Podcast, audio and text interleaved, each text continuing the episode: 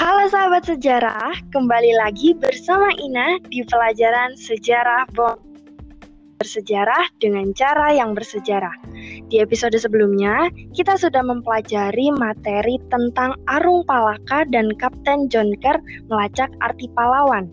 Dan di episode kali ini, kita akan belajar bersama-sama mengenai perbedaan VOC dan Belanda serta persaingannya dengan EIC, East Indian Company. Seperti biasanya, Ina ditemani lagi oleh guru sejarah kita, yaitu Bapak Ali Murtado. Selamat datang, Pak Al. Halo, selamat datang juga Ina. Iya, Pak. Bagaimana kabarnya hari ini, Pak? Alhamdulillah, luar biasa baik. Alhamdulillah. Nah, Berbicara tentang Belanda nih teman-teman, kita pastinya sudah hafal ya jika Belanda pernah menjajah Indonesia selama 350 tahun. Narasi mengenai hal itu menimbulkan pertanyaan kontras bagi para anak muda SMA. Ini bisa menggiring asumsi bahwa Indonesia dulu sangat lemah dan Belanda juga sangatlah kuat, atau pertanyaan kontras lainnya.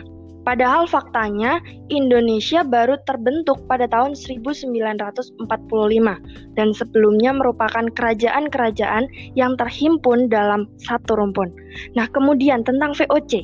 Ini yang menjadikan dasar kebingungan. Apakah VOC ini sama dengan Belanda? Nah, Pak Al, bagaimana nih Pak menurut Pak Al? Apakah VOC ini sama dengan Belanda atau ada perbedaan lainnya, Pak? Silahkan Pak Al.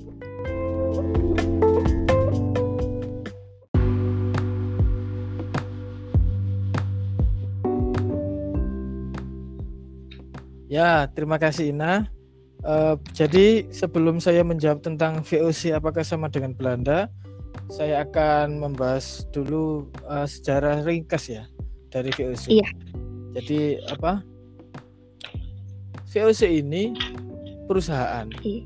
atau uh, orang dulu nyebutnya kongsi. Jadi perusahaan dagang atau kongsi dagang. Bedanya VOC adalah perkumpulan dari para perusahaan-perusahaan dagang negara Belanda yang kemudian dihimpun oleh salah seorang anggota dari Dewan Rakyat Belanda, Staten General Dewan Rakyat itu. Nah, yeah. namanya Johan van Oldenbarneveld.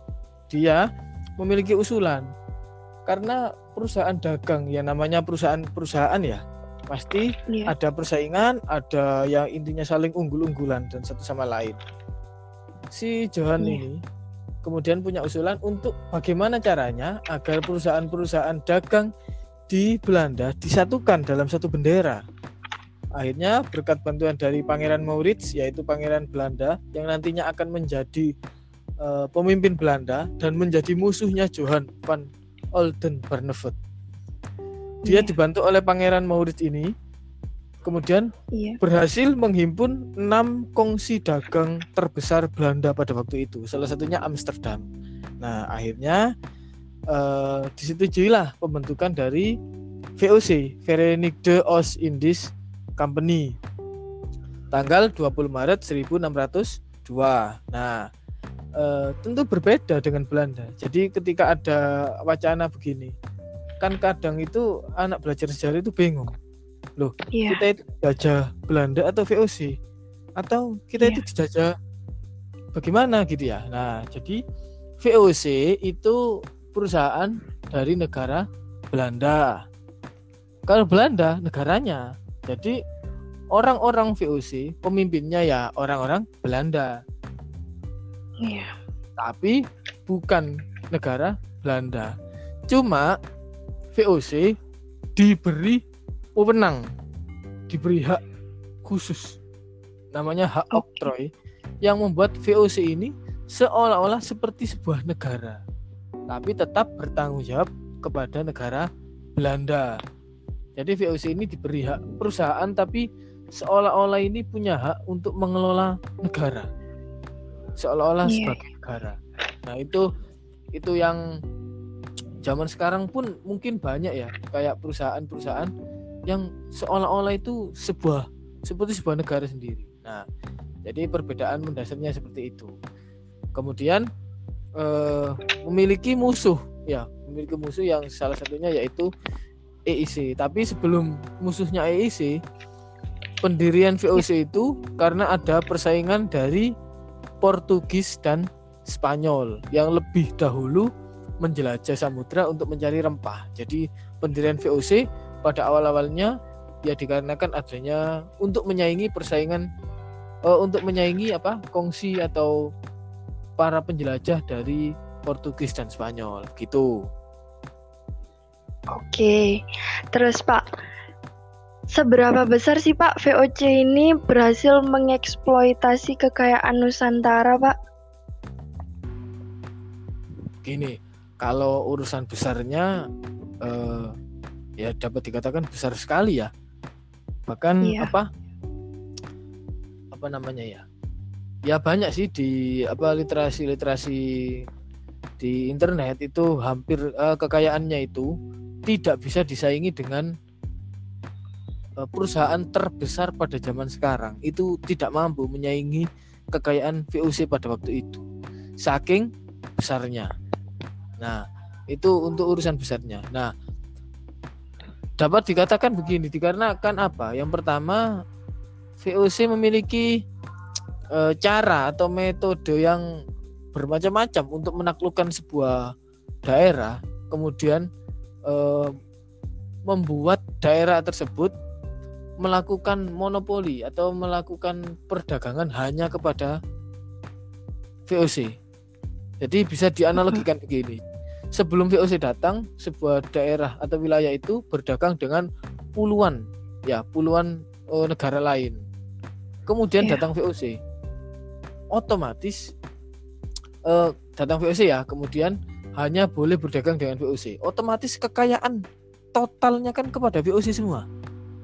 Iya. Yeah. Nah, itu itu analogi bayangannya seperti itu. Kemudian harga harga waktu, waktu itu harga lada dan harga pala bahkan untuk urusan uh, pala dan lada itu VOC menguasai yeah. langsung pusatnya. Jadi itu itu gambaran kekayaannya. Uh, ber berapa ya? Ber miliar atau berjuta-juta gulden pastinya. Itu yang membuat VOC menjadi perusahaan tersukses dunia pada waktu itu. Nah itu oh. Oke, berarti tadi kan Pak Al menjelaskan bahwa VOC menaklukkan daerah-daerah ini untuk menguasai uh, hasil-hasil di daerah ini. Lah itu dengan cara mengancam atau merangkul si penduduk-penduduk di daerahnya ini, Pak? Oke, uh, pertanyaanmu akan saya sambung dengan narasimu yang awal tentang apa? Okay. Yang apakah benar kita dijajah 350 tahun ya? Ini saya saya oh, iya. sambungkan iya. dengan strategi uh, VOC.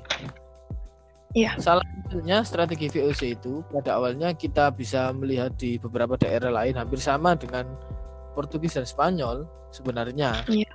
Perbedaannya VOC lebih uh, lebih kejam ya. Dalam arti lebih bengis. Ketika okay. De Hotman datang uh, kita bisa menyimak itu di uh, di episode ketika Belanda datang pertama di Indonesia.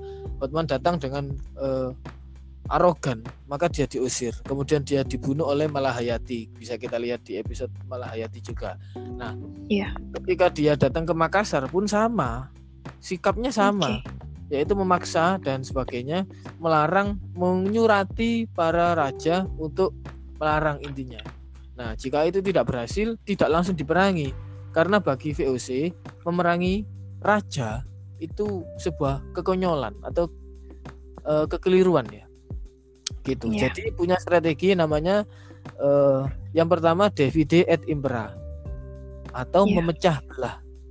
Nah, ini sampai zaman nanti-nanti sampai kiamat pun strategi ini pasti tetap ada yaitu memecah belah. Ya, bisa kita lihat yeah. ketika ada sebuah uh, persaingan ya, persaingan besar, maka salah satu caranya yaitu ada yang masuk ke dalam orang-orang dari uh, salah satu golongan itu kemudian apa ya ngasih apa ya ya ngasih fitnah-fitnah ngasih hmm. intinya suruh menantang dan sebagainya nah itu yang membuat uh, eh, VOC itu menjadi penguasa daerah tersebut dia berhasil memecah belah. Salah satunya yang berhasil dipecah belah yaitu uh, Bune. Bune okay. Arupalaka. Nah, kemudian yang di, dipecah belah lagi uh, banyak sekali dengan cara tawaran kerjasama dan VOC juga cerdik. Dia itu melihat dan memahami situasi lapangan. Jadi daerah mana yang sedang bertikai ini dipantau. Nah, di situ kemudian mungkin uh, ditawari bantuan perang dan sebagainya. Atau dia itu menunjuk-nunjukkan kebesarannya gitu ya. Sehingga daerah ya. lain yang melihat itu oh, kita ini jika tidak tidak dapat bantuan akan kalah. Kita minta bantuan kepada VOC untuk mengalahkan daerah tersebut. Nah, misalnya seperti itu. Itu yang dilakukan Mataram, Mangkurat untuk melawan yeah. Trunojoyo dan Giri, yaitu dengan minta bantuan. VOC. Kebetulan waktu itu VOC memang lagi benci-bencinya dengan Giri, akhirnya dibantu. Tapi dengan syarat seluruh wilayah di pantai utara Jawa milik VOC. Nah, tawaran itu disetujui. Kenapa? bagi sebuah kerajaan besar eh, kehilangan wilayahnya sedikit mungkin tidak masalah bagi mereka seperti itu. Tapi bagi kita itu adalah langkah dari kolonialisme untuk seluruh wilayah Nusantara. Jadi yang paling utama dari VOC divide et impera setelah menjadi wilayahnya setelah daerah tersebut menjadi wilayahnya dimulailah yeah. praktek hak oktroi VOC membuat benteng mencari pasukan membuat tentara dan sebagainya memonopoli dagang okay. sebagainya. Nah, satu cara lagi yang dilakukan VOC yaitu e, membantai seperti dilakukan Jan Peterson Kun ketika membantai rakyat Banda yang kabarnya yeah. dari 10.000 menjadi 1.000 atau dari berapa ribu menjadi 400 orang saja dan sebagainya. Yang intinya itu pembantaian massal. Tapi cara cara itu mungkin dilakukan eh, tidak kepada kerajaan yang sangat besar, tidak kepada seperti Makassar.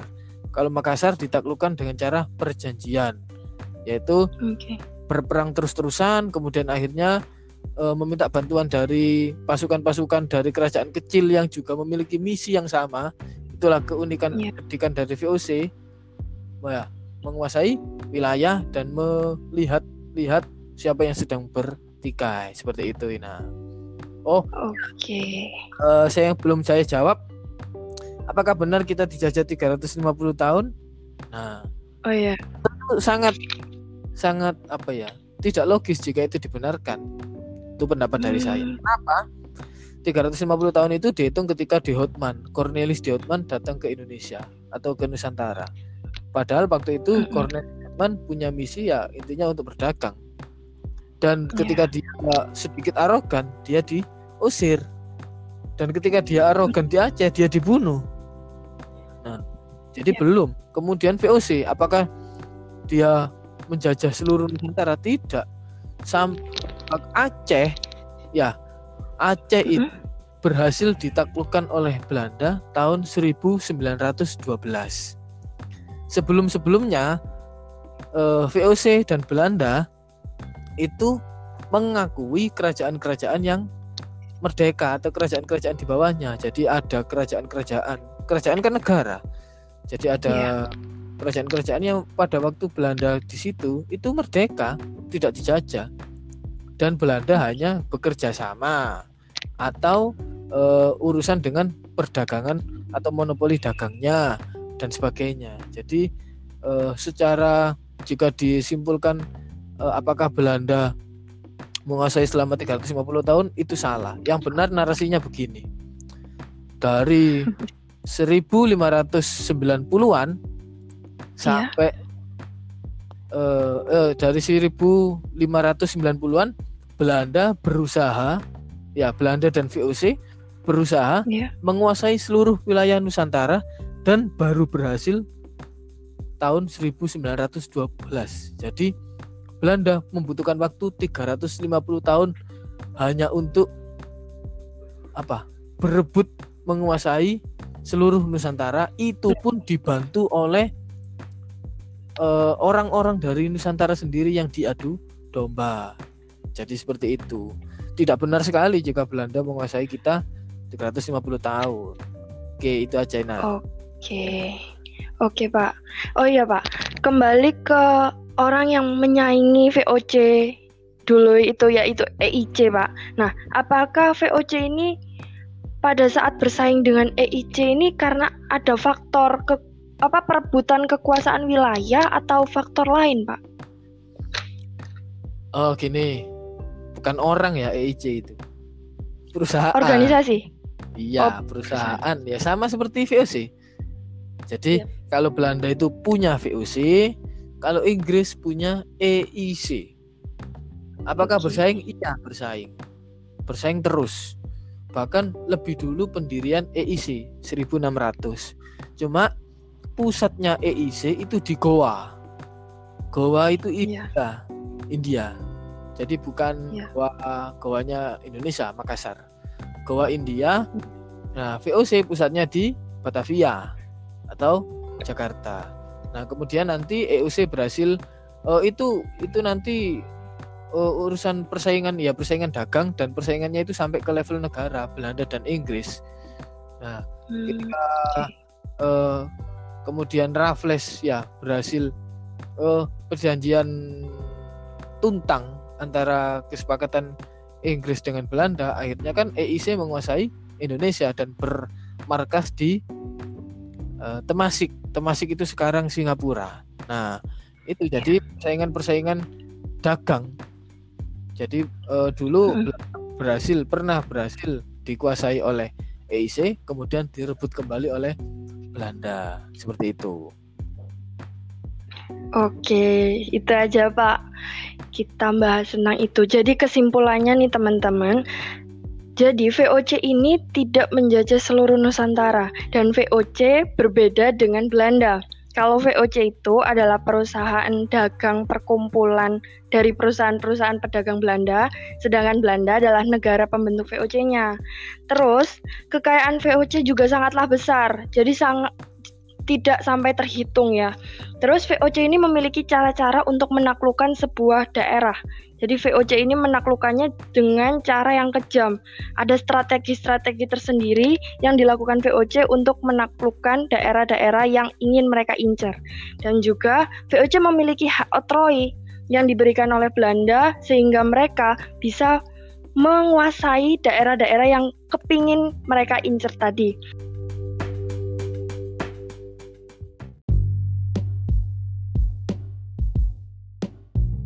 Nah, untuk materi materinya untuk sampai di sini saja dan terima kasih kepada Pak Al yang sudah menjelaskan perbedaan VOC dengan Belanda dan semoga ya, pelajaran kita bermanfaat. Terima kasih kembali Ina. Ya, semoga pelajaran kita bermanfaat hari ini. Sampai jumpa di episode selanjutnya, teman-teman.